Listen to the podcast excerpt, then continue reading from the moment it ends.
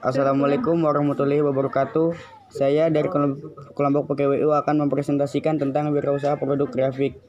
Nama-nama kelompok saya yang pertama Dandi, kedua Friska, ketiga Giska, keempat Mutia, kelima Surya Julian. Saya akan mempresentasikan tentang pengertian dan perencanaan produk grafika.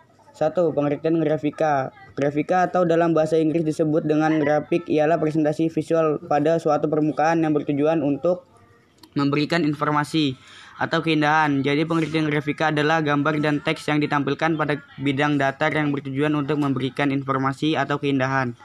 Dua, Perencanaan produk grafika. Bidang teknologi grafika mempunyai beragam jenis peluang usaha yang dapat dilihat pada kebutuhan yang ada di wilayah setempat, melihat ketersediaan bahan dan material yang ada maupun dengan melihat usaha grafika yang sudah ada di wilayah sekitar. Sumber daya material, teknik dan ide produk grafika.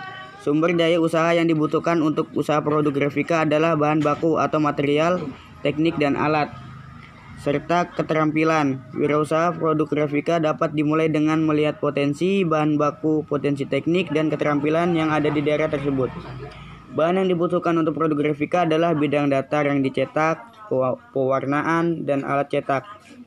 Alat cetak yang dibutuhkan bergantung pada teknik cetak yang digunakan. Terdapat lima jenis cetak berdasarkan prinsipnya, yaitu sebagai berikut.